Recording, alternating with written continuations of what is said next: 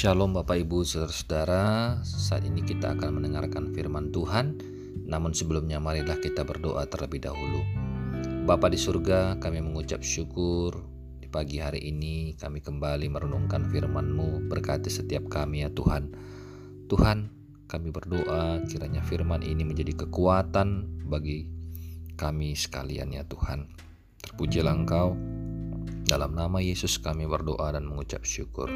Amin. Bapak Ibu, saudara-saudara, hari ini kita akan belajar dari satu tawarik pasal yang ketiga. Satu tawarik pasal yang ketiga ini berbicara tentang keturunan Daud. Pastilah kita semua tahu kisah tentang Daud, Raja Daud, seorang raja yang sangat terkenal dan seorang raja yang sangat dihormati oleh bangsa Israel. Kalau di sekolah minggu kita selalu mengingat kisah tentang Daud yang mengalahkan Goliat. Daud adalah raja yang menggantikan Raja Saul dan Daud kita tahu sepanjang masa hidupnya memiliki banyak sekali prestasi dan cerita pengalaman perjalanan panjang bersama dengan Tuhan. Banyak hal yang bisa kita pelajari dari Daud, dari kehidupannya, dari hubungannya dengan Tuhan, dari kepemimpinannya, bahkan dari kejatuhan Daud dengan Bathsheba. Kita belajar dari Daud. Kita tahu bahwa Daud bukanlah orang yang sempurna, sebagaimana layaknya manusia lainnya. Tetapi banyak hal yang bisa kita pelajari dari kehidupan Daud. Dan oleh karena Daud sangat uh, dikasihi Tuhan dan kita bisa melihat bahwa di dalam tawari ini keturunan Daud dicatat. Kita tahu bahwa Daud juga adalah seorang nenek moyang dari juru selamat kita yang datang ke dunia ini yakni Mesias Tuhan kita Yesus Kristus kita juga bisa melihat di dalam Matius pasal yang pertama pemilihan Allah kepada Daud dan keturunannya sebagai raja Israel serta kepada Yehuda mengingatkan kita akan perjanjian Allah sampai lahirnya Sang Mesias Yesus Kristus yang adalah keturunan Daud raja pilihan Allah. Catatan penulis Tawarik ini sangat berguna, bukan hanya semata-mata agar kita mengerti sejarah dan diingatkan akan leluhur mereka, tetapi supaya kita mengerti juga akan rahasia dari sebuah komunitas iman atau komunitas orang percaya. Sebuah hubungan perjanjian dengan Tuhan Allah, Sang Pembuat Perjanjian.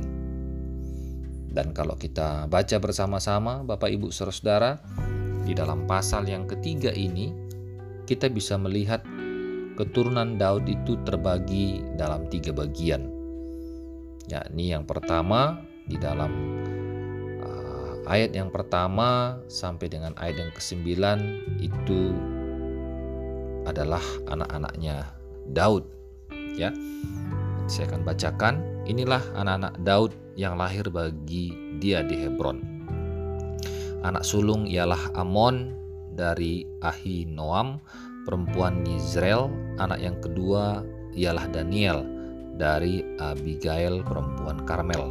Anak yang ketiga ialah Absalom, anak Maaka, yakni anak perempuan Talmai Raja Gesur, anak yang keempat ialah Adonia, anak Hagit. Anak yang kelima ialah Sefaka dari Abital, anak yang keenam ialah Yitream dari Egla, istrinya itu. Enam orang lahir bagi dia di Hebron, di mana ia memerintah tujuh tahun enam bulan lamanya, dan tiga puluh tahun lamanya ia memerintah di Yerusalem. Inilah yang lahir bagi dia di Yerusalem. Simea, Sobab, Nathan, Salomo, empat orang dari Batshua binti Amiel, lalu Yibhar, Is Elisama, Elifelet, Nogah, Nefek, Yafia, Elisama, El Yada, dan Eli Velet sembilan orang. Semuanya itu anak-anak Daud, belum terhitung anak-anak dari gundik-gundik. Tamar ialah saudara perempuan mereka. Dan kalau kita meneruskan kembali ayat yang ke-10 sampai ayat yang ke-16 itu bicara tentang raja-raja Yehuda yang dimulai dari Salomo. Ya. Lalu selanjutnya ayat yang ke-17 sampai dengan ayat yang ke-24 adalah keturunan Daud pasca pembuangan. Lalu apa yang kita bisa pelajari dari cerita keturunan Daud ini, Bapak Ibu Saudara-saudara?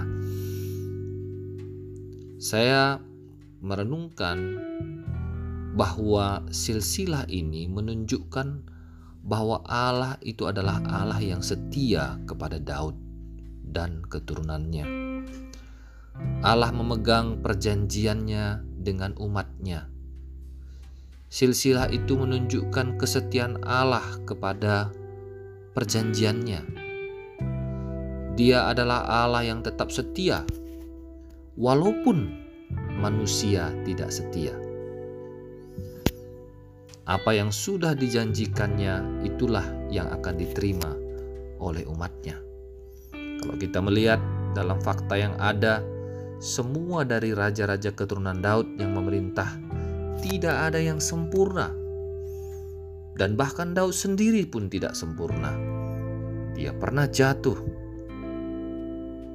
dengan dalam dosa pembunuhan dan dosa percinahan. Tetapi Allah tetap setia kepada Daud. Oleh karena itu, yang bisa kita pelajari dari silsilah ini adalah bahwa kita tidak boleh meragukan kesetiaan Allah kepada kita, sama seperti Allah setia kepada perjanjiannya kepada Daud. Allah setia kepada Bapak, Ibu, Saudara, dan saya di dalam Mazmur pasal yang ke-89 ayat 4 mengatakan, Engkau telah berkata, telah kuikat perjanjian dengan orang pilihanku.